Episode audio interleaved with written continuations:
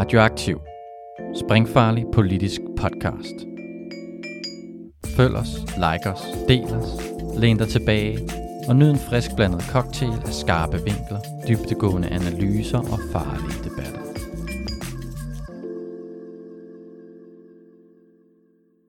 Velkommen til Radioaktiv.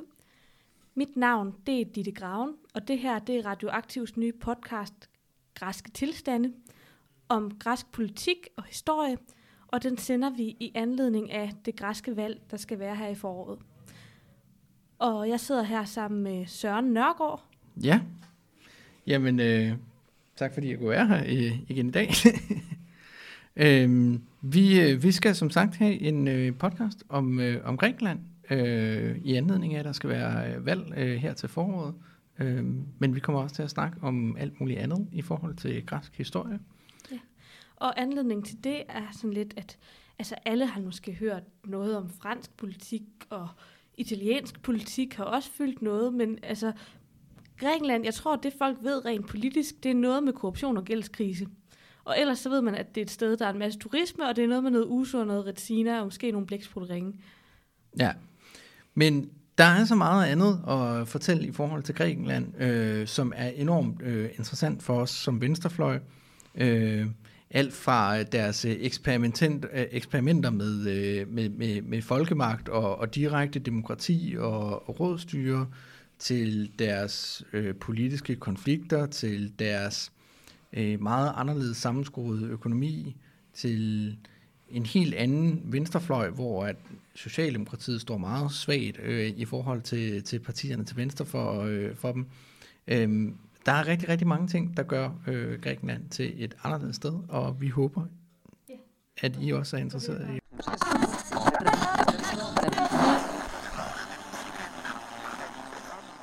Og i dag, der skal vores podcast handle om noget, jeg ved, du har glædet dig rigtig meget til, Søren. Det skal nemlig handle om Grækenlands forhold til resten af verden, fordi det er ret interessant. Jamen, vi har valgt at kalde øh, dagens episode for I stormagternes vold, og det er fordi, at græsk politik øh, er enormt meget defineret af forholdet til øh, udlandet, øh, og det er også nogle spørgsmål, som den græske venstrefløj øh, har måttet forholde sig rigtig meget til. Øh, først og fremmest, altså den vigtigste udlandske magt, som betyder noget for Grækenland, det er selvfølgelig forholdet til Tyrkiet. Og hvorfor er det, at det er særlig vigtigt? Jamen, altså grundlæggende set, så, så de to øh, stater og folkeslag, øh, hvad, hvad man nu vælger at kalde det, kan jo på en eller anden måde sige at have en konflikt, der går faktisk næsten præcis 1000 år tilbage. Kan du prøve at forklare os lidt om den måske? Ja. Øh, den går til, altså i virkeligheden kan vi sige, at, at siden at, øh, at, at, at tyrkerne, øh, som, altså som, som folkeslag forlod øh, stepperne øh, og, øh, og kom ned øh, til Anatolien efter, øh, efter at have sådan nedkæmpet det østromerske rige ved, ved slaget ved Mantikert i, i 1071. Øh, så har de her lande været, altså de her grupper på en eller anden måde været i krig omkring det samme territorium. Og hvad er det for nogle grupper til dem, der måske og ikke er, er så stærke? grækerne og tyrkerne. Øhm, Seljuk-tyrkerne, som kommer her, det er det, der senere bliver til Osmaneriet, og øh, bliver til, øh, som bliver til Tyrkiet. Og øh, det byzantinske rige, som det er på det her tidspunkt, øh, også kendt som det østromerske rige, øh, består primært af, af, af græsktalende øh, personer på det her tidspunkt. Øh, så der er øh, en eller anden form for meget, meget lang sådan historik på det her. Og efter det byzantinske rige så falder øh, endeligt i 1448, eller hvornår det nu er, øh, så... Øh, og det er øh, tyrkerne, eller på det her tidspunkt hedder de osmanderne, som de får tæsk af. Ja, øh, så, øh, så bliver de en del af osmanderiet, øh, som, er, som er tyrkisk, øh, og det er de øh, som, som et af, af mange folk, der er underlagt det her øh, enormt store imperium, øh, indtil at de... Øh, opnår deres uafhængighed i hvad er det, 1835? Det er i hvert fald 1830'erne. Jeg kan simpelthen ikke huske det, det præcise årstal. Vi, vi tjekker det lige. Øhm, og øh, det gør de øh, i en temmelig lang øh, uafhængighedskrig. Øh, Men øh, efter de øh, så får deres uafhængighed, jamen, så er der så ligesom en periode op gennem 1800-tallet, hvor Grækenland ekspanderer territorialt. Øh, de starter med ligesom kun at have øh, Peloponnes og Thessalien, så sådan kun øh, altså den alt hvis, øh, del. Hvis du lige skal forklare det til os, der kun kender Grækenland fra et turistkort, kan du så lige kort sige? Jamen, så kan jeg sige, der har jeg aldrig været henne og været turister i hvert fald. Ej, det er Athen, øh, og så er det Peloponnes, som er den der sådan sydlige øh, halvø. Syd for øh, Athen. Øh, syd for Athen. Og så er det sådan lidt det, det territorie, der ligger sådan umiddelbart lige nord for. Og så udvider man så gradvist øh, og får kontrol over flere områder i Thessalien, Epirus, øh, øh, Makedonien, øh, altså den græske provins Makedonien, øh, ikke det, der er landet af Makedonien, øh, og Kreta og øh, de ægæiske øer og alt muligt. Og så har man ligesom den her periode, hvor Grækenland gradvist territorialt ekspanderer til det punkt, hvor man kender det i dag. Øh, og det, det er så en periode, hvor der selvfølgelig er en masse øh, sådan øh, rigtig dårlige vibes, øh, kan vi sige, mellem, mellem grækere mm. og tyrker. Der er rigtig, rigtig meget brutalitet. Der er masser af krigsforbrydelser, etniske udrensninger på begge sider.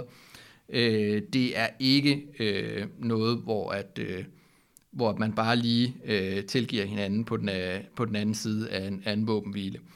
Og igennem hele det her forløb, så blander øh, de europæiske stormagter sig enormt øh, meget. Altså helt fra uafhængigheden, hvor man først, altså, da Grækenland bliver uafhængigt, så bliver det endeligt besejlet af indgriben fra de tre stormagter, Frankrig, Rusland og England, som griber ind øh, og øh, militært og, og dikterer, at de skal være uafhængige. Og sidenhen så har de så forskelligt enten sammen, eller hver for sig grebet ind, nogle gange afsat regeringer, nogle gange øh, monarker, nogle gange i forhold til den her, de her territoriespørgsmål, så har de været på grækernes side, andre gange har de været på tyrkernes side, altså på osmandernes side. Øhm, alt afhængig af, hvad der lige passede deres mm. egne sådan stormagtsinteresser i landet. Øhm, men siden mellemkrigstiden, øhm, da osmanneriet ligesom falder og bliver til Tyrkiet, så har landgrænserne egentlig ligget nogenlunde fast mellem, mellem Grækenland og Tyrkiet efter sådan, den græsk-tyrkiske krig i 1922. Så hvis man lige, vi lige kort, inden vi går videre til, hvordan det ser ud i dag, mm. skal sige noget om Grækenlands forhold til andre lande end lige Tyrkiet, så er det vel det her med, at de har haft sådan lidt et, øh, et hvad kan man sige, især til øh, Storbritannien, lidt et havde kærlighedsforhold, fordi de på den ene side har været ret afhængige af dem, og på den anden side ikke helt kunne regne med dem. Ja, helt bestemt. Og, og som, øh, som lytter af, af, øh, på vores sidste afsnit, hvor vi snakker rigtig meget om den øh, om, om de her borgerkrig mellem kommunisterne øh, og, øh, og, og de borgerlige i, i forbindelse med 2. verdenskrig og sådan noget, øh, der har britterne så også grebet ind på, øh, på, på den borgerlige stats øh, side. Øh, så altså, der er igen sådan et godt eksempel på, mm. at, øh, at der bliver grebet ind. Øh, men sidenhen så, altså konflikten med Tyrkiet har været mere øh, afdæmpet. Yeah. Øh, I hvert fald på land. Altså, der, man, man har ligesom fået fastlagt, at øh, selvom grækerne sikkert stadig, måske en gang imellem, øh, drømmer om det i en, en festlig stund, at så kommer Konstantinopel aldrig tilbage. Øhm, og Konstantinopel, det er? Det er jo det, er jo det som øh, de fleste i dag øh, nok kender som Istanbul. Øhm, men øh, som var, var noget af det, som grækerne gik allermest op i, at det skulle det tilbage. De mente, det var deres historiske hovedstad osv. Og, og de får heller aldrig noget af Anatolien tilbage. Øhm, Men det har de store helte lært at leve med. Ja, sådan nogenlunde. Det, der så til gengæld er sket, er, at der er nogle andre øh, konflikter, som er øh, blusset op. Og de er lidt mere til søs. Øhm, og det handler omkring øh, uenigheder omkring, øh, omkring sådan territorial farvand, og så handler det rigtig meget omkring Kyberen. Øh, fordi man kan jo ikke øh, sige Grækenland uden også at sige Kyberen. Og øh, stop en halv. Kyberen, er det ikke noget med, at det er sit eget land? Det er vel ikke Grækenland? I, jo. Øhm, og hvad er det i det hele taget for noget med, med Kyberen? Altså, Kyberen har jo også været en del af øh, det byzantinske rige, og blev så også overtaget af osmanderiet. Øh, men var også primært befolket af, af, af folk, der var grækere og, øh, og ortodoxe kristne. Øh, og i takt med, altså, at, at dele af Grækenland vil nå uafhængighed, så vil de selvfølgelig også gerne have det. Men i stedet for at blive en del af Grækenland, så sker der det efter øh, den, ja, den russisk-tyrkiske krig i 1870. Det er det der, der huskes som, hvad er det, Krimkrigen. Det må du ikke spørge mig om. Øhm, men så bliver den simpelthen i en eller anden fredsaftale givet som krigsbytte til Storbritannien, som mm. simpelthen bare får den som koloni. Og der har vi så Storbritannien, der kommer ind i billedet igen. Ja, det er det. Og Storbritannien har så haft Kypern øh, fra da, og, øh, og har ligesom bare brugt den som koloni. Det var en fin lille, øh, fin lille militærbase, de havde der, øh, placeret i, øh, i det østlige Middelhav. Og det passede fint med deres øh, besiddelser i Ægypten, og senere deres ekspansion i Mellemøsten osv. Øhm, og der er det så, at, at der sker det efter 2. verdenskrig, som der sker i så mange andre øh, britiske kolonier, at der kommer en øh, modstand mod kolonimagten. Mm. Øh, der kommer øh, simpelthen, altså der, der, der er et ønske om at opnå øh, uafhængighed fra britisk øh, styre. Øh, og, og, og der har man jo også øh, sin, sin helt egen sådan øh, fortæl, altså historie om kampen mod øh, kolonimagten. Ja. Øhm, Fordi vi var... Øh, ja, vi var nemlig på Kyberen sammen for øh, et par år siden, og der var vi nemlig inde på Frihedsmuseet, Ja. som det hed, og det var, det var en oplevelse. Det var i hvert fald et frihedsmuseum. Det må man sige. Øhm, altså, det var jo meget den her fortælling om den store, onde, brutale kolonimagt, som den lille græske mand fik kæmpet sig løst af. Der var, Mm. altså, det jeg husker bedst, det var, at der var sådan et rum, hvor der var sådan rimelig mørklagt, og så var det kun oplyst af sådan nogle fake sterinlys.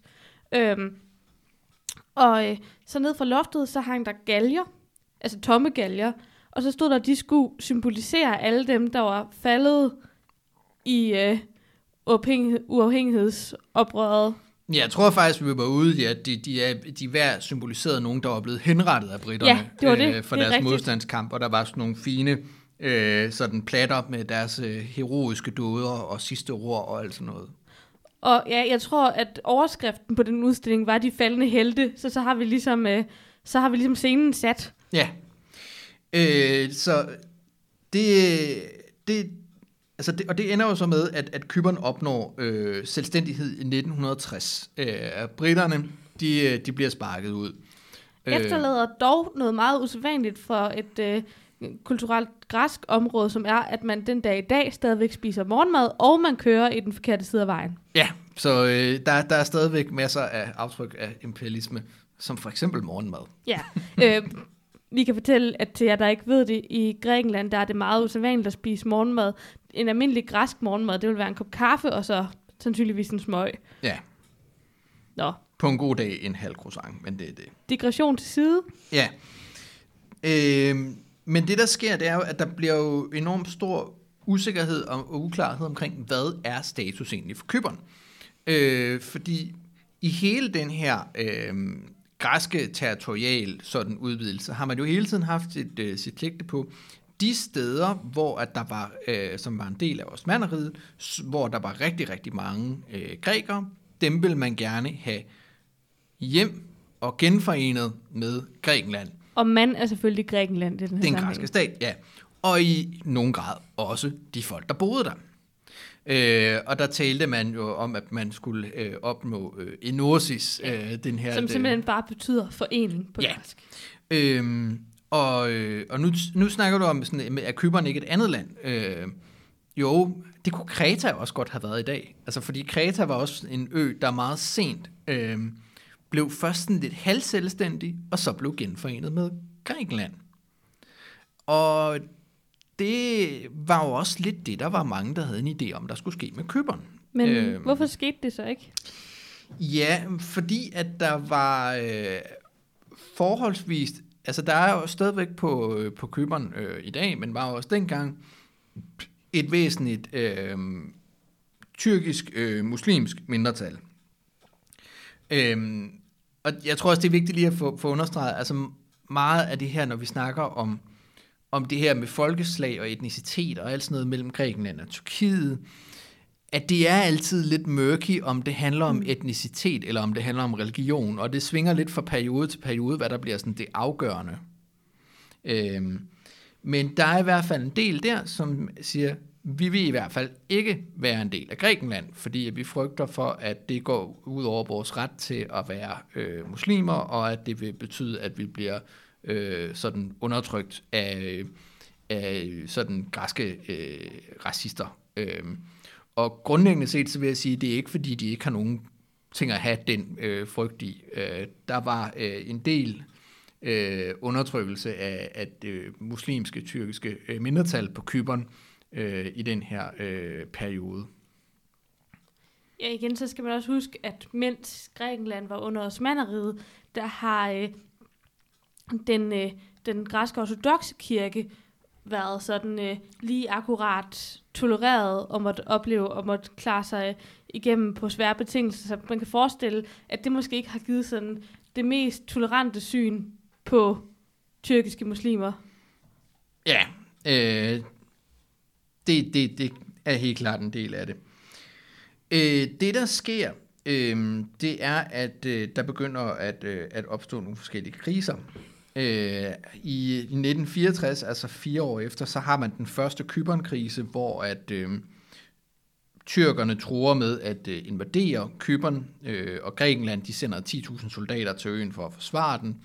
Øh, og allerede her så er vi ude i sådan et godt spørgsmål omkring, hvad... Øh, er, jeg troede, Grækenland var et andet land. Ja, altså, øh, og kan man forsvare et, noget, der ikke er en del af ens egen land, hedder det så ikke et angreb, kan man også spørge. Ja, men, men der, er, der er den her uklarhed på det her tidspunkt om, hvorvidt at Kyberen skal være en del af det. Øh, det, der så sker på det her tidspunkt, det er, at USA intervenerer og på Tyrkiet. De tror med at øh, trække deres, øh, de amerikanske baser ud af, af Tyrkiet og, og smide Tyrkiet ud af NATO grundlæggende. Øhm, fordi så har man ligesom sådan en idé om, at så må jeg skulle selv stå op mod sovjetisk aggression, hvis det er det. Og det har tyrkerne alligevel ikke lyst til. Øh, og så delvis som betaling for det, så åbner øh, Græk, øh, USA deres store militærbase på Kreta øh, fem år senere. Hmm. Fem år efter det, så sker der det i 1974, at øh, der bliver foretaget et statskup på Kyberen. Øh, der har hele tiden, altså det, det er en stor politisk konflikt intern, også i det, det græske øh, sådan, samfund på Kyberen, hvorvidt at man skal forfølge den her genforening, den her, det her enosis eller ej. Øhm, og på det her tidspunkt, så bliver der så gennemført et, øh, et militærkup, mere eller mindre, hvor at øh, højere ekstreme øh, øh, folk, som altså tidligere også har været forbundet med, med kampen mod britterne, overtager magten og erklærer, at de vil, genfor, øh, de vil genforene Kyberen med Grækenland. Og det er koblet til, at der på det her tidspunkt, som der måske er nogen, der kan gennemskue på tidslinjen, så har man det her øh, også højre nationalistiske militærdiktatur, øh, oberststyret i Grækenland. Hmm. Det kommer vi til i, i et, i et ja. andet afsnit, men øh, det er bare lige vigtigt at have den med i mente. Øh, de har også støttet det her kup. Og det, der så sker, det er, at Tyrkiet invaderer Kyberen for at, øh, for at øh, ligesom stoppe den her genforening. Og øh, der går rigtig lang tid, før at øh, USA igen stopper Kyberen. Slår ikke Kyberen, Tyrkiet. Øh, og øh, det, der sker sådan rent militært, det er, at grækerne får læsterlige klø af tyrkerne. Øh, og det er også en af årsagerne til, at militærdiktaturet falder, fordi hvis man er et militærdiktatur, så, altså, så sådan en af de ting, man så som minimum man ligesom skal vise, kunne levere. at man kan finde ud af det der med Ja, krig. Ja. Ellers så er man et jo en dårligt man er militærdiktatur. et rigtig dårligt militærdiktatur. Vi kan ikke finde ud af militær. Hej. Ja. Og øh, så ender øh, man jo med at gennemføre en, øh, en våbenhvile, og der er en våbenstilstandslinje på Og det er ikke noget med, at den aldrig er blevet brudt. Den er aldrig blevet brudt. Det, og våbenstilstandslinjen, den er der stadigvæk Ja. i dag. Der kan vi igen fortælle ferieminder, fordi det er vi så glade for. Det er nemlig sådan, at øh, Kyberen er i dag delt i øh, Kyberen og den selvstændige republik Nordkypern, som ingen andre end dem selv, så vidt jeg har forstået, an- anerkender som et tyrkerne anerkender dem. Tyrkerne anerkender dem som et land. Og de er i hvert fald slet ikke Tyrkiet. Deres flag, det er bare en spejling af det tyrkiske flag, men det har slet ikke noget at gøre med, at de har noget med Tyrkiet at gøre. Slet ikke, nej. Nej, slet ikke. Men øh, der går simpelthen en grænse, der deler mm. Kypern, så den op nordpå, og den grænse, den går gennem hovedstaden Nicosia. Ja. Og, og det er simpelthen, der skal I forestille jer lidt Berlinmuren. Altså ikke med, med sådan en kæmpe mur, og folk, der står med store guns og plukker en, hvis man prøver at komme igennem.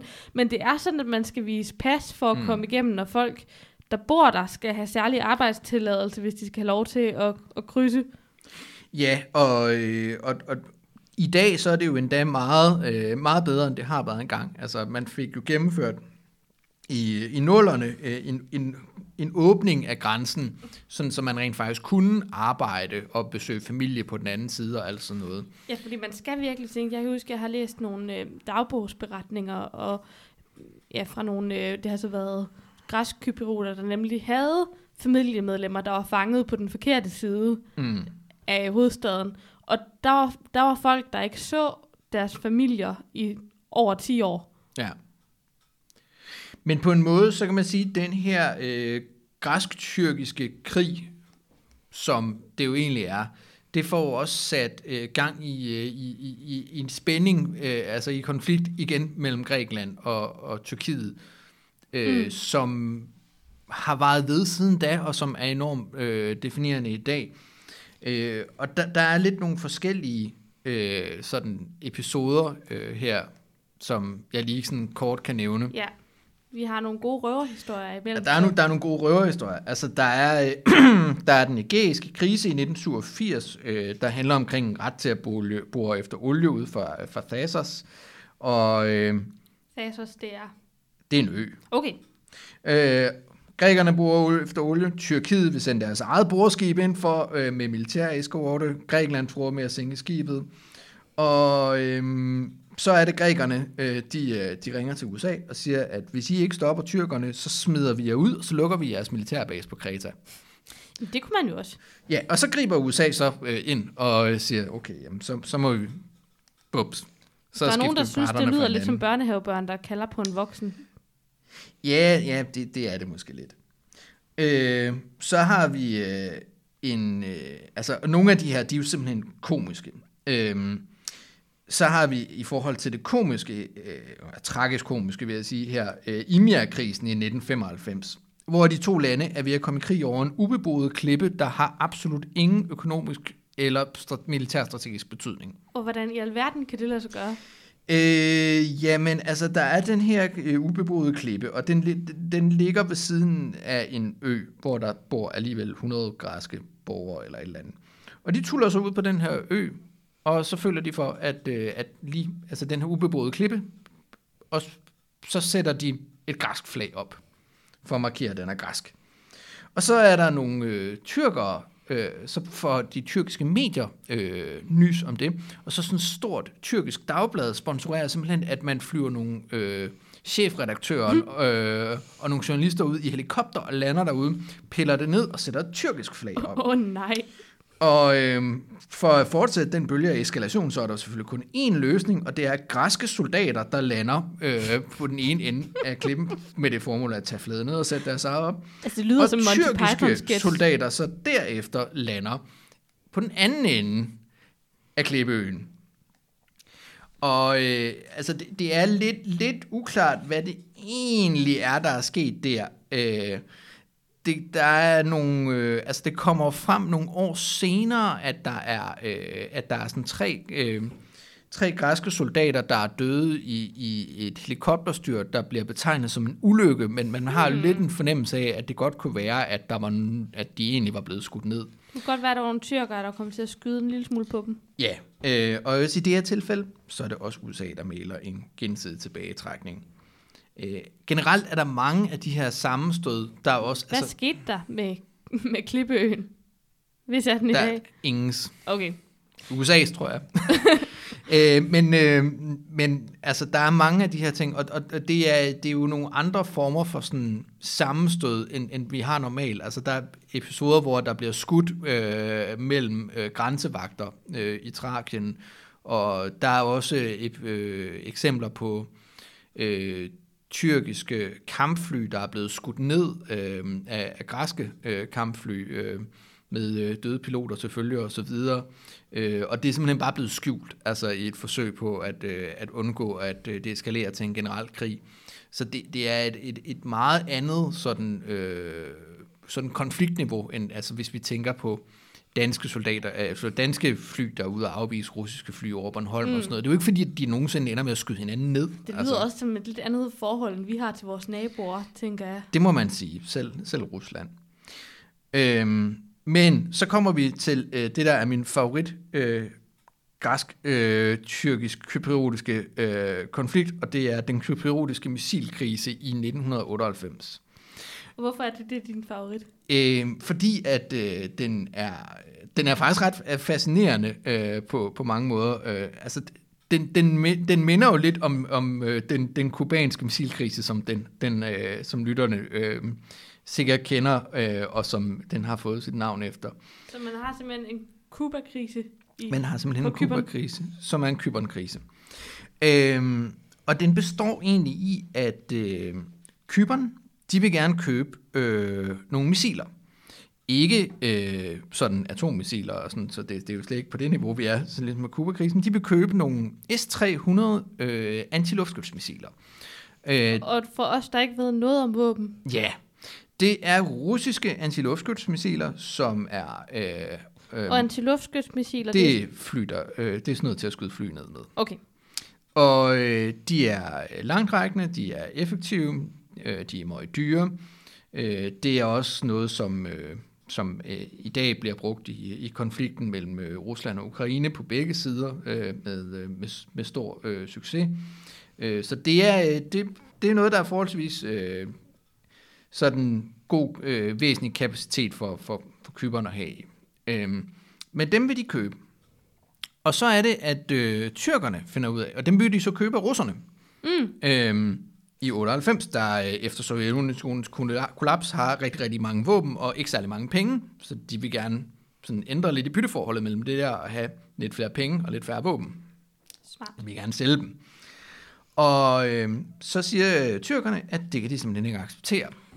Så de laver, fuldstændig ligesom amerikanerne gjorde ude for Cuba, en flådeblokade, hvor de vil inspicere alle skibe, der sejler til, øh, til Kyberen, for at øh, forhindre dem i at øh, komme ind med de her øh, missilbatterier. Spændende. Og øh, så er det så, at øh, det hverken går hverken øh, værre eller bedre, end at øh, grækerne siger, det skal være løgn. Øh, fordi at det, det kan jo ikke passe. Det vil de ikke finde sig i. Det vil de ikke finde sig i. At det, øh, det er jo sådan også en grundlæggende, jamen det, det kan ikke passe, at tyrkerne skal have lov til at kunne nedlægge veto over, hvad, hvad, øh, hvad køberen har mulighed for at indkøbe af militært udstyr. Og på den måde tro dem. Og øh, køberen skal have lov til at forsvare sig selv og alt sådan noget. Og så derfor siger de, jamen øh, vi, vi er parat til at bryde den øh, øh, bryde blokaden. Og øh, så sker der så hverken værre eller bedre, end at øh, russerne også kommer ind og siger, fordi de vil jo meget gerne have lov til at sælge deres våben. øh, og de siger, jamen, vi vil gerne hjælpe grækerne med at bryde den tyrkiske blokade. Det lyder da som noget, der egentlig kunne være gået ret galt, det her. Det, det kunne være gået ret galt. Øh, det er også et ret sådan virkelig underligt sådan alternativt historiescenarie at forestille sig, hvad der var sket, hvis der var udbrudt krig mellem på den ene side Rusland og Grækenland, og på den anden side Tyrkiet i 1998. Havde man så haft en tæt alliance mellem Grækenland og Rusland i dag, eller hvordan? Ja, det er ikke, det er til, at sige. til at sige. Øh, det ender øh, heldigvis med, øh, mens at der ellers er den russiske sortehavsflåde øh, samler sammen øh, til at øh, skulle øh, øh, mase sig hele vejen. Altså fordi det, det ville jo være lidt af et projekt rent øh, militært, at øh, de skulle... Altså problemet er ikke så meget en flådeblokade ude for en kyberen. Problemet er, hvordan pokker skulle de der missiler være kommet derned, for de skulle sejles ud gennem Sortehavet, mm. og det går ned gennem Bosforusstrædet og ned. Ja, og som det havde man nok opdaget. De var nok blevet lidt svære at forklæde. Det var lidt det, ikke? Så de havde bare sådan et, "Nå, vi samler flåden og gør klar til bare at smadre os vej ned gennem Bosforusstrædet. Hvorfor er Øhm, der ikke nogen, der har lavet en film om det her? Det er fordi, at det ikke er amerikanerne, der er involveret. Jeg tænker bare, når du fortæller det, så lyder det sådan helt som et, øh, et krigsfilms, eller et actionfilms hmm. plot. Ja. Jamen, jeg ved ikke, hvorfor der ikke er en, øh, en, en, en, en, øh, en, en federe version af 13 Days, der, der, der handler om det her. Løsningen, den bliver, øh, den er salomonisk. Øh, det, er, det er simpelthen, at øh, grækerne køber de her missiler af russerne. Hmm. Øh, og de opstiller dem, og de anvender dem så, og, og altså integrerer dem i deres luftforsvar. Øhm, fordi de tænker, at de er meget fede. Så vi kan da godt bruge dem så. kan Men så godt får, bruge dem. så får Kyberen den jo ikke, som ja, vi gerne havde. så får Kyberen dem ikke. Og så har man en aftale om, at Kyberen til gengæld får lov til at købe andre våben i stedet. Af øh, Grækenland, eller... Nej. Så det er sådan et, en, øh, så, så må de købe nogle andre luftforsvarsmissiler, men det bliver bare ikke lige dem. Okay, men de må stadigvæk godt købe dem af Rusland. Ja, øh, men de, altså grundlæggende set, så det der sker, det er jo rigtig meget, at Tyrkiet kan jo godt konstatere, at det der med en krig mod Rusland, det er måske lige lidt op ad bakke. Ja, så man, skal, man, skal, man stikker halen mellem benene, man skal gøre det med, med værdigheden i behold. Ja, øh, så man bliver nødt til at finde på en eller anden løsning. Og, øh, men også altså, for russerne er det jo også bare vigtigt, at de demonstrerer, at øh, de kan få lov til at sælge deres våben. Og nu er det fordi, de har lov til at sælge dem til Grækenland i stedet for. En øh, lille øh, sådan, øh, efternote på det her, det er, at øh, de her... Øh, de her missiler, de, de står med, øh, de blev jo solgt med nogle, nogle meget specifikke klausuler, fordi at øh, russerne var sådan, at hvis vi sælger vores sådan, topteknologiske antiluftskytsmissiler til et NATO-land, øh, så skal vi være meget klar på, at de ikke bliver sådan lige pludselig bare øh, bliver sendt videre til USA, for at de kan blive skilt ad øh, og undersøgt der. Øh, så der er en masse, øh, masse klausuler der. Øh, med, så de har fortsat med at stå i Grækenland. Øh, jeg tror, det er på Kreta eller et eller andet. Øh, men det, der så sker, det er, at øh, altså, i dag, så, øh, så kommer spøgelset for den kyberiotiske missilkris jo og, øh, og melder sig, øh, fordi at øh, Ukraine har jo øh, bedt om, om de ikke kunne få lov at få de der øh, antiluftskytsmissiler, Interessant. øh, fra, øh, som oprindeligt er russiske. Øh, fordi at det, som sagt, ja, det er utrolig øh, effektive øh, antiluftforsvarsmissiler, og det er nogen, som Ukraine kender. Øh, det er den samme type, som de selv øh, anvender. Øh, og de har jo utrolig meget brug for luftforsvar, så derfor så vil de gerne have dem. Jeg tænker, nu du selv lige nævner det, fordi det var Mhm. noget, vi også havde snakket om, vi måske skulle snakke lidt om. Hvordan øh, forholder Grækenland sig egentlig til Ukrainekrigen? Det lyder jo som om, at, øh, at de sådan, øh, hvad kan man sige, har ret meget at se til selv. Ja, altså grundlæggende så Grækenlands øh, tilgang til Ukrainekrigen, det er nok, at, øh, at den prøver de, øh, altså de, de støtter Ukraine, men i modsætning til mange andre lande, så sender de ikke rigtig særlig mange våben til Ukraine. Øh, ej, heller penge. Det med pengene, det har noget at gøre med, at grækerne, de har ikke så mange penge. Nej, det har man måske hørt om en gang. Det med våbnen, det handler omkring øh, den aktuelle politiske, øh, sådan sikkerhedspolitiske situation i forhold til Tyrkiet. Altså, at man stadigvæk har så mange spændinger, at man vil godt, øh, man Ja. vil godt sørge for at kunne forsvare sig selv. Græ- Grækenland øh, har ikke, øh, øh, altså synes i hvert fald ikke selv, de, de har, kan tillade sig den luksus at undvære noget som helst. Øhm, og det er på trods af, at det er et af de lande i, i NATO, der bruger allermest øh, på forsvaret. Men det tænker jeg, at vi måske kunne vende tilbage til. Det var bare et lille sidespor. Men øhm, altså, hvis du, vi lige skal afrunde Kyberen måske, hvordan ser, det, hvordan ser det ud i dag, og hvordan fungerer Kyberen sådan rent politisk? Jamen altså, det, det er jo stadigvæk meget præget af, af konflikten. Øh, man, man har et partisystem, som er sådan meget, øh, altså politisk system, der er meget præget af, af det der med spørgsmål om, hvordan man, man tilgår øh, hele Kyberen spørgsmålet. Øh, der var jo en, en, et forsøg på en fredsplan i 2004, som kuldsejlede efter, at den blev vedtaget ved en folkeafstemning i, Nord, øh, i Nordkyberen, med, altså i de, de tyrkisk besatte zoner, øh, men blev forkastet i, i, de, i de græske zoner. Øhm, men altså i dag, så altså, der, der er jo mere afspænding, men det fylder rigtig meget i konflikten mellem Grækenland og Tyrkiet.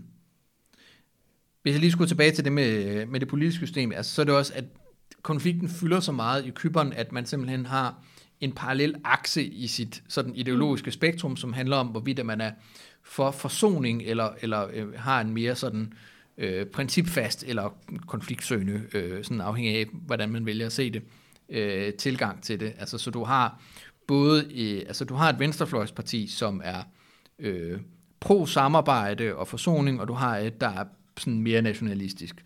Og det samme og har du med... betyder her græsk Ja, græskrettet, ikke? Øh, græskorienteret.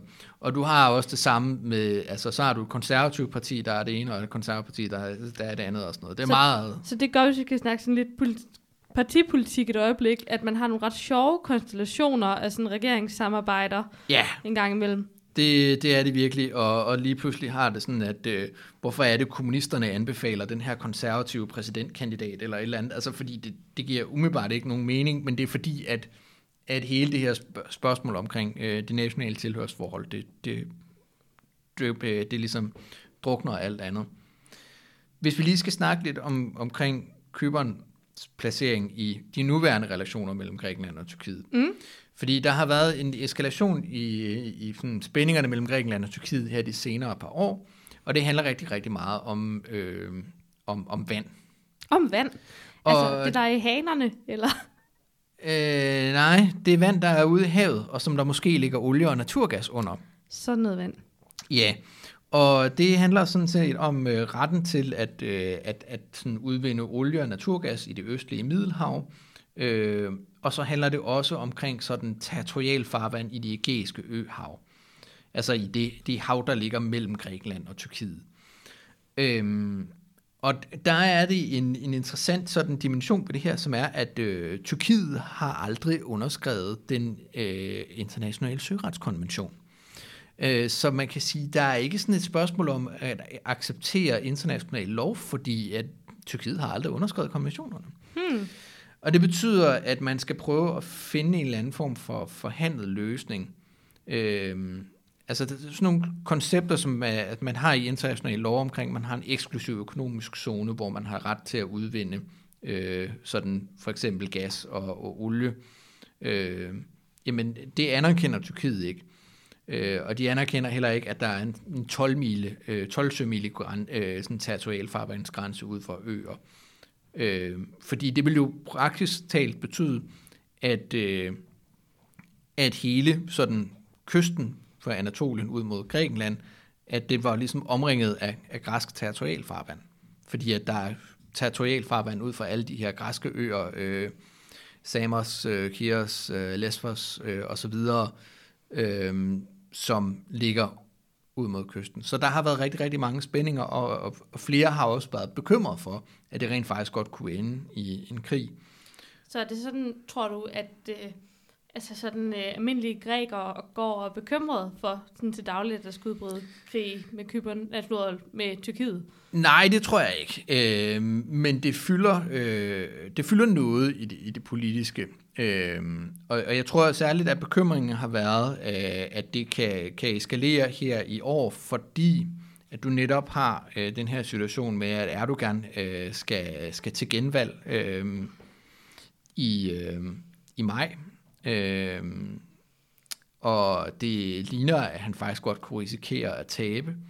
Og han virker jo generelt ikke som typen, der er indstillet på at tabe. Nej, det øhm, Og han, har været, han og hans parti har været med til at tale mange af de her konflikter op, øh, fordi de er så utrolig sådan nationalistisk orienterede. Øhm, så, så der er en, en mulighed for, at, at han ligesom kan, kan gribe til øh, ah, øh, nu er jeg upopulær øh, indrigspolitisk og er bange for at miste magten, hvad er bedre end at starte en krig mod øh, arvefjenderne. Øhm, og på en måde, så kan man faktisk også godt sige, at det samme måske er tilfældet i Grækenland, øh, altså, hvor at, øh, hvor at øh, der også skal være valg jo her mm. til, til maj, og hvor der også er en, øh, en regering, Det er i hvert fald ikke som, så populær lige nu, kan man sige. Ja, den er ikke så populær lige nu, efter, efter togulykken i, i, i Tempe. Til jer, der ikke har hørt om det, øhm, så er der i Grækenland lige været, har der lige været en stor togulykke, hvor der var et passagertog, der stødte sammen med et godstog, og der var over 57 mennesker, der døde, Mm. og det skyldtes i høj grad, at man ikke sådan havde så godt styr på at overholde regler for sikkerhed så øh, i forbindelse med togkørsel. Så det er regeringen fået Og en der test for. er en, øh, en masse øh, protester mod regeringen. Ja. Øh, de, det- der har skrevet en fin artikel på øh, Men det skal det ikke handle om nu. Øhm, jeg tror, det jeg gerne vil videre til at snakke om, eller have, du skal fortælle Ja. os om nu, øh, er sådan kort. Øh, altså, nu er det her jo en øh, radioaktiv podcast, så den er jo for mennesker på venstrefløjen. Ja. Øhm, altså, hvordan forholder venstrefløjen sig til det her, den her, de her spændinger? Og jeg tænker, mange steder i verden er det jo sådan, at der er en tradition for pacifisme på venstrefløjen, men det er mit indtryk, det er ikke, ser ikke helt sådan ud i Grækenland.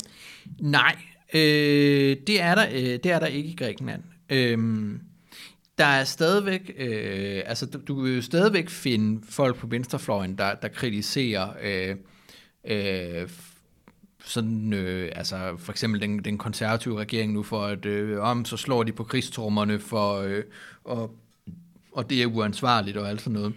Men grundlæggende set, altså der er opbakning på den græske venstrefløj til en, altså til en forholdsvis nationalistisk linje, vil, vil det jo ligne for os, og en forholdsvis militaristisk linje. Mm. Altså, da, da Syriza øh, kom til, så var der ikke noget med, at nu skulle man skære Som er en masse. det socialistiske parti, ja. der var regeringsbærende. var der ikke noget med, at man skulle skære på forsvaret eller noget. Altså, øh, der skulle øh, fortsat bruges masser af penge på det græske militær. Øhm, og, og jeg tror, at det handler om, at vi snakkede lidt om det her, før vi øh, gik på, altså at Grækenland på en måde minder om en, en form for postkolonial land. Altså at det er, det er et land, som, som på en måde har en oplevelse af at have været koloni. Mm. Øhm, Og hvor koloniherren vil stadigvæk eksistere. Man Ja, øh, og, og hvor man også på samme måde som, øh, som mange andre sådan, tidligere kolonier har en oplevelse af hele tiden at blive sådan, kørt rundt i managen af alle stormagterne. Altså hvor at man ikke helt rigtig... Altså, I Danmark, der tror jeg, altså der tænker vi jo meget, at vores nationale suverænitet på et eller andet punkt er noget, vi, vi tager for givet.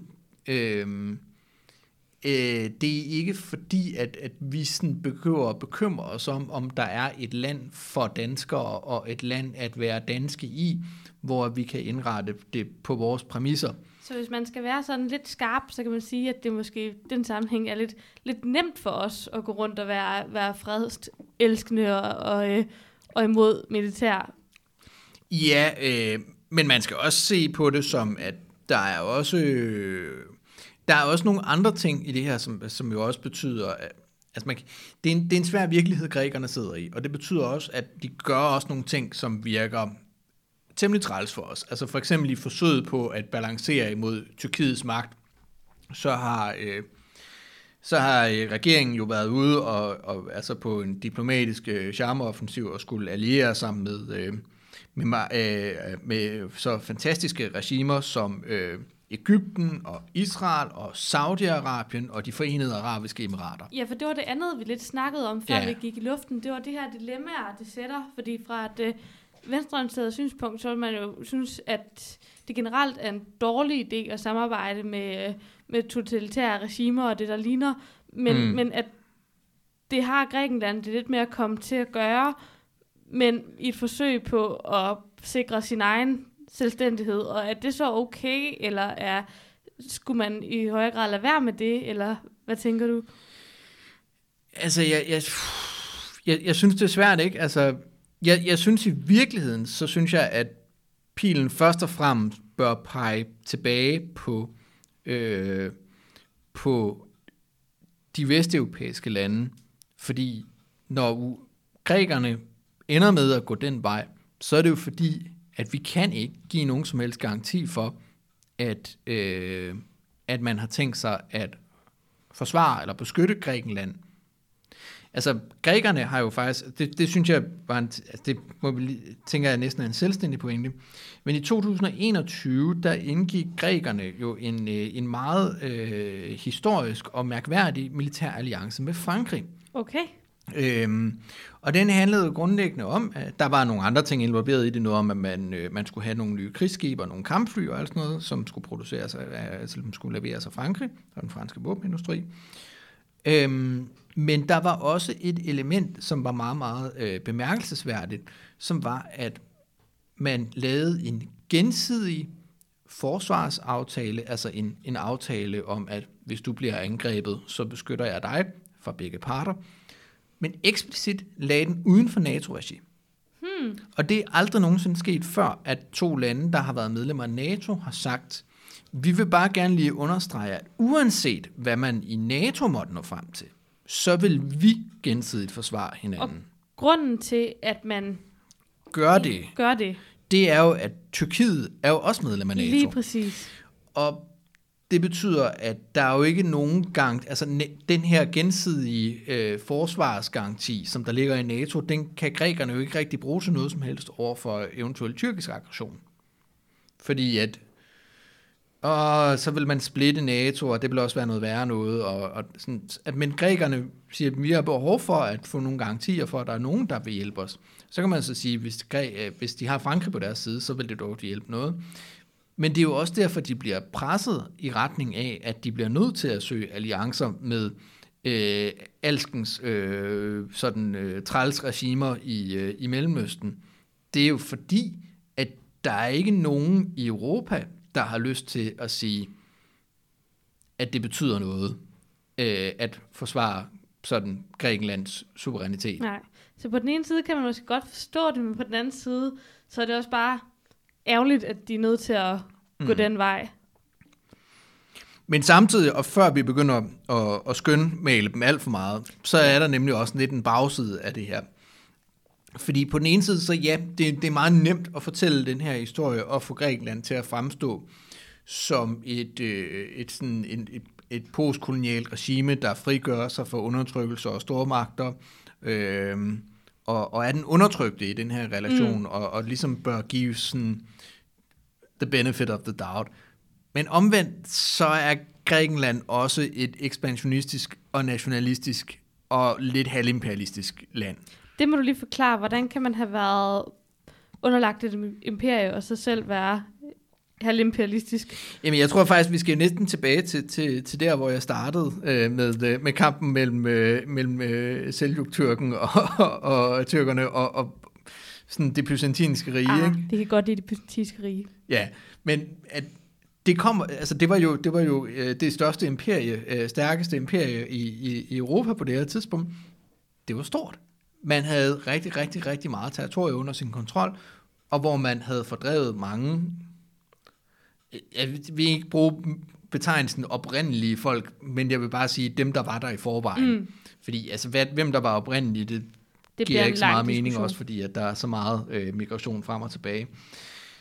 Men man havde jo simpelthen kontrol over Anatolien og Balkan og alt muligt, altså, og derfor man har en eller anden form for kulturel arv, hvor man også ser det som naturligt, at man udøver en vis form for indflydelse. Man har også haft det her i forbindelse med helt tilbage fra uafhængighedskrigen, man kaldte uh, Imigali Idea, som betyder den store idé. Kan du Mm. uh, forklare lidt om, hvad det gik ud på? Det snakkede vi også om, inden vi gik i luft. Ja, altså grundlæggende set, så kan du sige, det, det er ideen om et Storgrækenland. Øh, det er øh, tanken om, at man skal etablere et Grækenland, som består af selvfølgelig det historiske Grækenland, så, øh, det aktuelle Grækenland, vi kender i dag, så også hele Trakien, det vil sige hele sådan landstriben øh, sådan i Europa. Altså alt det af Tyrkiet, der i dag ligger i Europa, Ja. skal være græsk. Og også det, der ligger på den anden side af øh, Marmarahavet, altså Bosforstrædet, altså der den ellerne kald det hvad man nu har lyst til. Altså det, der ligger på den anden side af vandet, umiddelbart, det skal også være græsk. Og så det, der ligger ned langs øh, kysten på det østlige Anatolien, det skal også være græsk. Og og så skal Kypern selvfølgelig også være græsk. Ja. Og en vigtig øh, ting i det her med landestriben og det tyrkiske øh, Europa osv., det er selvfølgelig, at Konstantinopel skal være græsk. Ja, og det var fordi, at Konstantinopel var hovedstaden i det byzantinske rige, mm. som er det, ja, der blev, øh, der blev erobret af osmanderne, så det er det, man sådan udebart kommer fra, så man synes, det skal man have igen. Ja. Det vil vi egentlig gerne have vores hovedstaden igen. Samtidig så er der også, altså en, en del af logikken her, det handler også omkring, hvor at der var store øh, grupper af, af, af, hvad kan vi sige, græske øh, mindretal, øh, eller befolkningsgrupper, nogle steder var de ikke i mindretal, øh, og nogle steder var de, øh, altså hvor, at, hvor alle grækerne boede henne.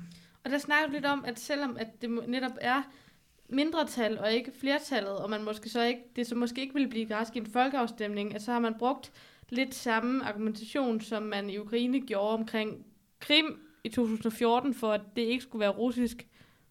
Ja, eller som, som man i, i, i, i Ukraine også bor i dag. Men altså, at man siger, jamen det kan godt være, at der bor flest tyrkere nu, men det er jo kun fordi, at de har fordrevet mm. os.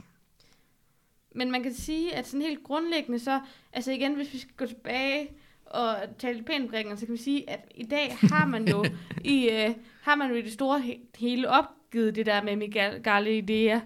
Ja, men, altså, men så igen på den anden side, så har man lidt nogle rester af det. Altså, der er for eksempel noget med, at... Øh, ja, måske kan I huske i medierne for et øh, par år siden, at der var hele den her debat om øh, Makedonien, som ikke længere måtte hedde Makedonien, fordi det gik grækerne rigtig meget på. Mm. Ja, og, og, og det er jo et interessant eksempel. Det stammer jo helt tilbage fra, fra sådan øh, opløsning af Jugoslavien. Men Altså Makedonien, det er jo, det er jo sådan det område, der ligger omkring sådan Thessaloniki. Der er en provins, den hedder Makedonien, og det har den gjort siden... Det var der Alexander den Store kom fra. Ja, det var der, hvor Alexander den Store kom fra, og det har heddet sådan i... Øh, siden, øh, siden øh, jeg ved det ikke, mange tusind år siden. Øhm, og, og nu ligger der så... Øh, altså, og grækerne siger så, at Makedonien, det er jo en græsk provins, og den skal være vores. Det her de sådan, i hvert fald grundlæggende historisk ment. Og så øh, kan det godt være, at der bor nogen deroppe, lidt længere nordpå, som faktisk ikke engang nødvendigvis er en... Altså, helt grundlæggende så er det interessante, at det handler ikke så meget om, at grækerne gør krav på det territorie, som ligger i den tidligere jugoslaviske republik Makedonien, som nu er kendt som Nordmakedonien. Men det handler om, at de siger, I kan ikke kalde jer Makedonien, fordi det er vores land det er vores territorium. At det vil svare lidt mere til, at hvis der var... Altså, hvis, øh, hvis tyskerne lige pludselig besluttede sig for, at der var, øh, at der var, en, pro, øh, at der var en tysk øh, delstat, der hed Fyn, eller sådan noget. Mm. Og man kan sige, at det kan man måske egentlig godt være sympatisk overfor, men det virker måske også en lille smule fjollet at gå så meget Fuldstændig åndssvagt. Øh, men, men det kan man sige, det er måske ikke så, altså selvom at det er, det må være irriterende for makedonierne at skulle til at skifte navn, så er det måske ikke det, der sådan betyder allermest, men der er også noget, man kan sige... Øh, Ej, det, det, der er det væsentlige i det her, det er jo slet ikke navneskiftet. Det er jo, at grækerne har udnyttet deres position i EU og i øh, NATO til at nedlægge veto mod, at Makedonien kan blive optaget i nogle af de organisationer. Ja, og det virker ret nederen.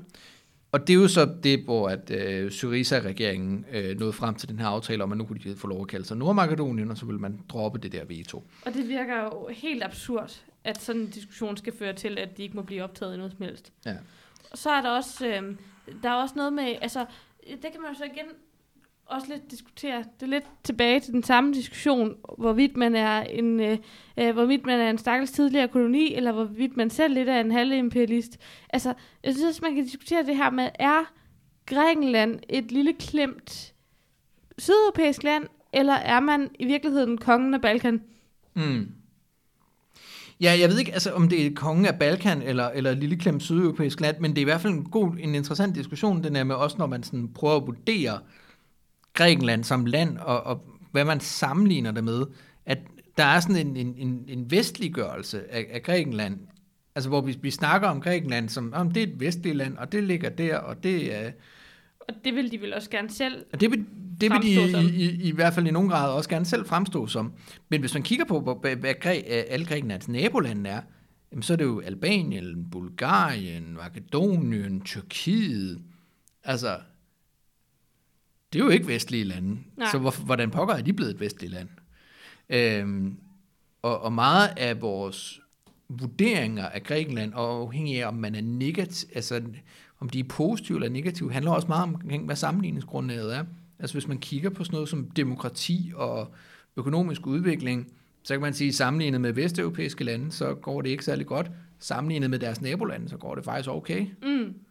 Men der er vel også noget med, hvordan man har behandlet sine naboland, nabolande. Der er vel også sådan lidt Ja. noget med holdningen til dem. Det er der helt præcist, ja. Og der har været øh, mange øh, grænsestridigheder, øh, som det er. Altså, og det, det tror jeg også er en af årsagerne til, altså når, når man siger Balkanland, så tænker man også umiddelbart, der er noget med noget brutalitet og noget folkeborg og nogle øh, grænsestridigheder. Øh, og på den måde, så skal, man, øh, så skal man ikke være blind for, at Grækenland er et Balkanland. Ja. Det har de været med lige så meget i, som alle de andre. Altså grækere og albanere kan for eksempel absolut ikke lide hinanden, fordi Nej. de har haft et øh, meget spændt forhold. Der har været en del grænsestridigheder. Ja, Jeg har en lille sjov anekdote. Øhm, der er den her græske sangerinde, som man sådan lidt kæk kunne kalde den græske Beyoncé. Hun hedder Eleni Fourea, og hun øhm, laver rigtig poppet, glad popmusik, øh, men med sådan lidt et fokus på, øh, på noget feminisme og øh, noget queer-agtigt og sådan. Det er meget hyggeligt.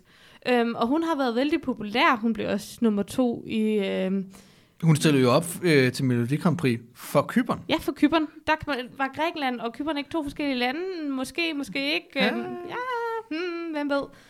Øhm, men, øhm, øh, men hun har i hvert fald været vældig populær i Grækenland, og er det stadig. Men hun havde sådan, øhm, der var lidt, hun havde lidt en krise i sin karriere, da det, går ud, gik, da det kom frem, at hun faktisk havde løjet om, at hun oprindeligt kom fra Albanien. Ja. Hendes familie var albanske immigranter, Ja, og hun, øh, og hun havde, hed faktisk slet ikke oprindeligt Forea, hun hed Entelli, og så kan jeg ikke helt huske, hvad det var til efternavn, men i hvert fald noget, der var sådan væsentligt mere albansk klingende. Men det havde hun så ændret, og, og lidt sådan øh, øh, været lidt svævende om, hvor hun egentlig var vokset op henne. Mm. Øh, og da folk så oplevede, opdagede, at hun oprindeligt kom fra Albanien, så blev hun boykottet af en hel masse, og hun måtte ud og undskylde og sige, at, øh, at ja, men og det var jo bare fordi, at hun jo var græsk i dag, ja. og det kan man godt mærke, at altså, hvis, øh, hvis der lige pludselig kom en, øh, en dansk sangerinde og sagde, at hendes forældre var i virkeligheden fra Tyskland, så var det jo ikke, at, øh, så var det jo ikke sådan, at man tænkte, at, at de havde sagt en kæmpe løgn, og man ikke ville høre deres musik længere. Altså hvis det kom frem, at Medinas forældre var tyske, der er sikkert nogen, der er mere moderne end Medina, det er bare mig, der er lidt gammel. Hvis det kom frem, at Medina faktisk var fra Medina. ja. Men så tænker jeg ikke, at, at man vil, vil sådan øh, slå hånden af hende af den grund. Nej, i virkeligheden er, er det mest interessante ved den historie jo er også, at, at, at hun ser et behov for at, at lyve om sin nationalitet, for at, at kunne... Altså, for slå at kunne, igennem i Grækenland Ja, og blive accepteret som græsk kunstner, fordi Ja. at det hendes familie flyttede til Grækenland, da hun var tre eller sådan Mm. et eller andet, så hun er jo vokset op i Grækenland og har græsk statsborgerskab i dag, så ja. det burde virkelig ikke være et issue. Mm. En ting, vi, vi lige kan nævne her også, øh, snart lidt på falderæbet, øh, i forhold til, til Grækenlands øh, sådan lidt mere sådan, øh, nogle gange positiv og nogle gange negativ sådan, øh, nationalitetssyn, er, at Grækenland er jo er virkelig en, en stat, der ikke ser sig selv nødvendigvis så meget som en afgrænset territorial nationalstat, men nogen, som ser det som en stat for grækere Ja, hvor end i verden de måtte bo. Øh, der er jo en masse øh, græske mindretal rundt omkring i verden. Øh, og nogle af dem er, er lidt nyere øh, afart. Der er for eksempel rigtig, rigtig mange, der har migreret efter finanskrisen. Og, øh, og de er jo selvfølgelig... Øh, altså, de har selvfølgelig lidt mere moderne tilknytning til Grækenland. men der er også nogen, der er migreret i forbindelse med borgerkrigen og en verdenskrig, er det ikke rigtigt forstået? Jo, det er der også. Og så er der jo dem, som har migreret for nærmest 1000 år siden. Ja.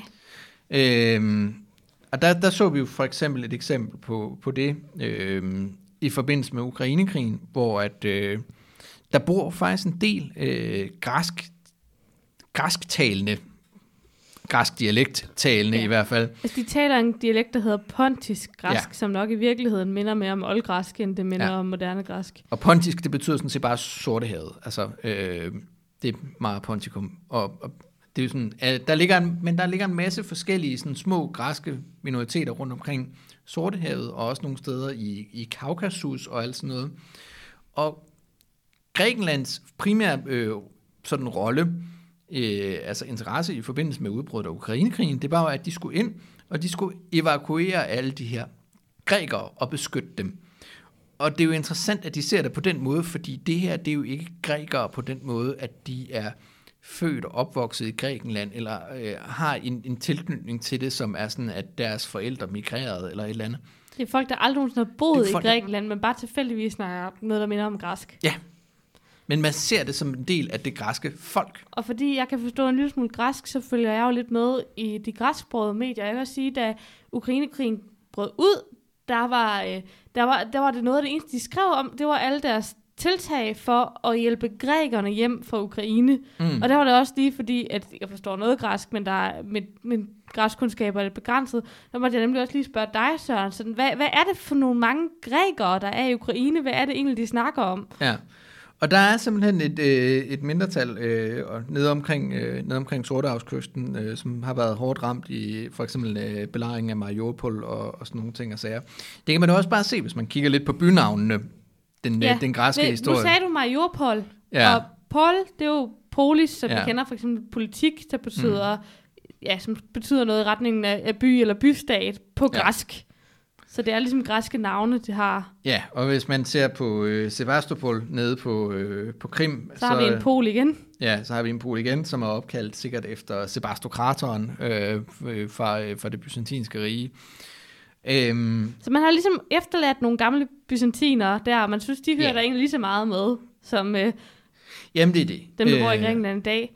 Men er der ikke også noget med, at sådan udlandsgrækere rundt omkring har stemmeret i Grækenland? Det har du i hvert fald fået nu. Øhm, og det tror jeg har, har meget at gøre med, at der nemlig var så mange, der har emigreret øh, efter, øh, efter finanskrisen. Ved du, hvor mange der egentlig er omfattet af den her stemmeret, hvordan det bliver afgjort? Er det, skal man være migreret fra Grækenland, eller er det også alle græsktalende? Jeg er ikke sikker på det.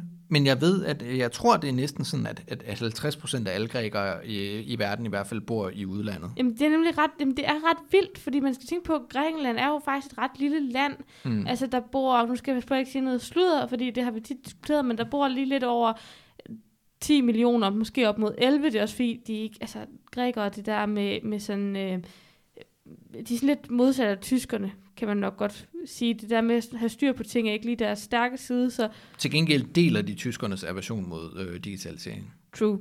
Men i hvert fald, øh, så, så det der med folketællinger i Grækenland, det er sådan lidt, lidt sjovt. Men, øh, men man er i hvert fald ikke meget mere end 10 millioner mennesker i Grækenland. Nej. Og der bor for eksempel, så vidt jeg hus- lige husker det, sådan omkring 5 millioner øh, af grækere i USA bare. Ja, bare i USA. Men man kan sige, at jo, Grækenland er et lille land, hvis vi lige skal Hmm. til samtalen lidt videre, inden vi runder helt af. Grækenland er et lille land, men grækere fylder også bare overraskende meget i verden, når man sådan kigger rundt. Der var for eksempel øh, en stor interesse fra, øh, fra, fra, fra græske medier også i det amerikanske midtvejsvalg. Øh, nu øh, omkring, øh, hvad hedder det nu? Øh, altså der, der var nogle, øh, nogle, nogle øh, typer, hvor der, der, der er simpelthen en græsk, en græske lobby, som sørger for, at, at folk, der er af græsk afstamning, og ikke mindst også bare folk, der er sympatisk og indstillet over for Grækenlands interesser, bliver valgt i, i kongressen. Øh, Og det er jo sådan noget, de bruger. Altså, det er jo en del af sikkerhedspolitikken, altså at, fordi at den græske kongres, øh, eller den amerikanske kongres, har jo taget stilling til, at man vil gerne sælge kampfly til Grækenland, men ikke til Tyrkiet. Mm. Så altså, er der, der er en, øh, en, en, en interessant form for, sådan, øh, for meget international dimension i det her. Jeg tænker også, det er lidt en anden måde at bedrive sådan international politik på. Ja, det er meget sådan soft power. Nå, men øh, derudover er det også bare sjovt. Altså en af grunden til, at det her projekt, vi har gang i, kan gøre, er jo også Mm. bare, at der er enormt mange engelsksprogede medier Ja. om Grækenland, eller ikke om Grækenland, men engelsksprogede græske medier, der retter sig mod udlandsgrækerne Ja, diasporaen. Diasporaen. Ja, men helt klart. Øhm, men jeg synes i virkeligheden, at, at noget af det interessante i hvert fald, altså nu, nu bliver det meget sådan, øh, sådan lidt historie og sådan noget øh, i dag, og, og generelt snak. Men i forhold til, til, til det venstreorienterede, så tror jeg, at det er et, et vigtigt ting at tage med, det her med, at, at den græske venstrefløj også på en måde er stærk, fordi den bliver set som noget, der er koblet op på noget national suverænitet. Ja. Øh, altså den der idé om, at venstrefløjen er antinationale, øh, giver ikke så meget mening dernede. Der er det jo mere venstrefløjen, der faktisk tit sådan promoverer sig selv som forsvarer af den nationale suverænitet og selvstændighed, i modsætning til højrefløjen, der er, altså, der er de udlandske magters lakajer. Mm. Altså man kan jo bare tænke på, nu fortalte vi i forrige afsnit om det her med, at man i forbindelse med 2. verdenskrig havde sloganet Uhi, mm. Som betyder nej, som man sagde til italienerne, at de ville invadere. Øh, men, og det har, er det jo især venstrefløjen, der efterfølgende har taget på Til sig. Ja, helt bestemt. Og, og man kunne også se det i, øh, altså det, det blev også en del af meget af sådan retorikken omkring, altså øh, under finanskrisen med, med trojkagen og, og sparepolitikken og sådan noget, blev også bundet meget op på sådan et spørgsmål om national øh, stolthed, national uafhængighed. Og, og, og de, de folk, der, øh, der gik trojkagens ærne, var jo landsforrædere. Jamen, det er nemlig det. altså, Og der hed det, og det var det især Tyskland, man ligesom så mm. som hovedkræfterne bag trojkaen. Ja. Så der var det meget, at vi skal ikke, altså, vi, vi skal ikke underlægges Tyskland. Mm.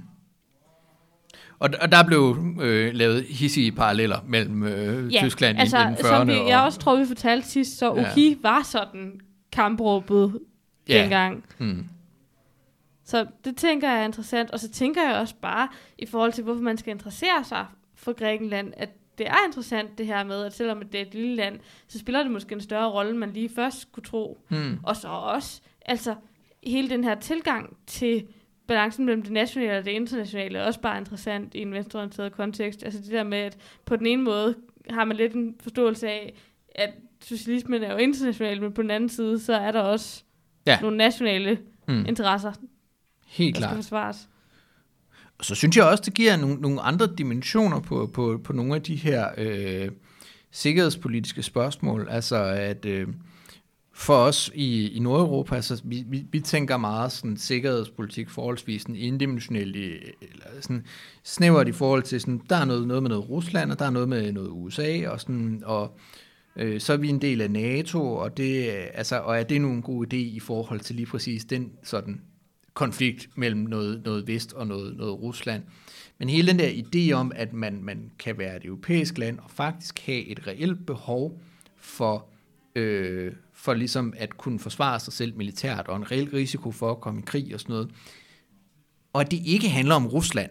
Mm. Altså det, det, er faktisk, det tror jeg faktisk, at, at det er meget sundt at kunne løsrive sig fra at tænke NATO, krig, militær og alt sådan noget, som noget, der kun handler omkring, øh, omkring sådan Rusland og, og USA og, og, og den slags. Det synes jeg er et interessant take, sådan, uanset hvad ens holdning til NATO så i øvrigt måtte være. Så Ja. bare i forhold til sådan ens syn. Ja, for, fordi der har du i Grækenland nemlig også meget altså en, en opbakning til, at der skal bruges penge på militæret fra venstrefløjen, så man kan forsvare sig mod øh, den, den imperialistiske, øh, øh, chauvinistiske, øh, tyrkiske øh, nationalisme.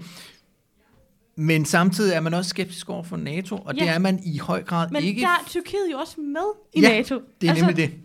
Det viser jo igen også, som vi lidt halvt fik kommet ind på, hvad der også er nogle af NATO's begrænsninger, for hvad hulen gør man, når der er to NATO-lande, som spændingerne egentlig står mellem.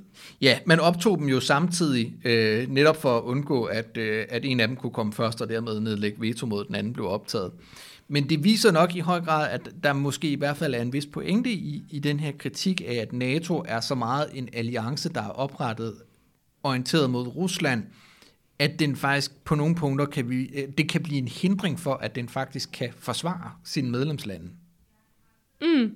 Fordi at det er så vigtigt i forhold til konkurrencen med Rusland, at når vi har dem begge to med, fordi de er strategisk placerede lande og alt sådan noget, vi skal bare have stabilitet og sikre sydflanken og alt sådan noget, i stedet for at tænke, jamen, altså er det her et, et, noget, du er med i for at få en sikkerhedsgaranti, eller er det noget, du er med i for at balancere mod Rusland?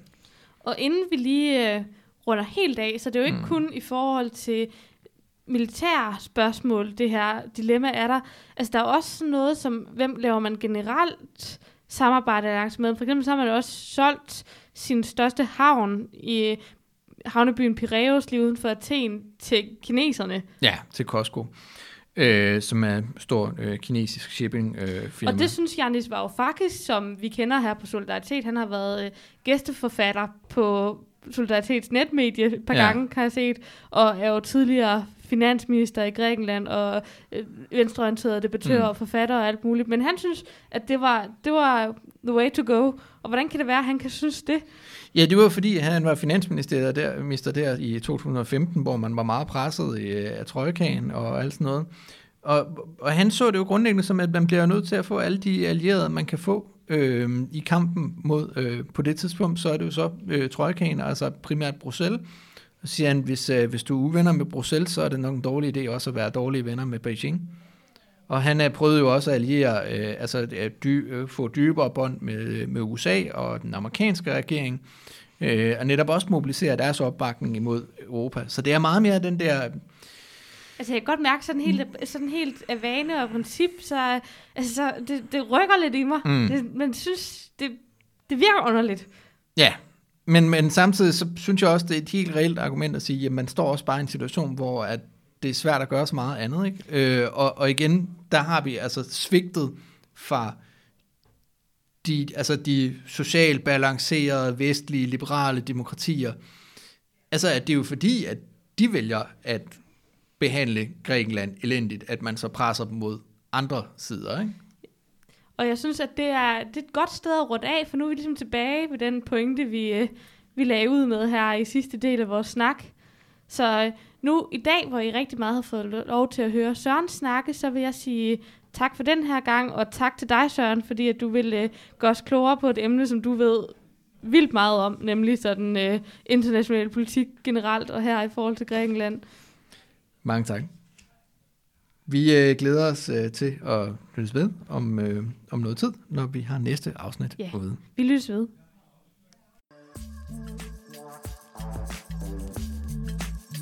Oh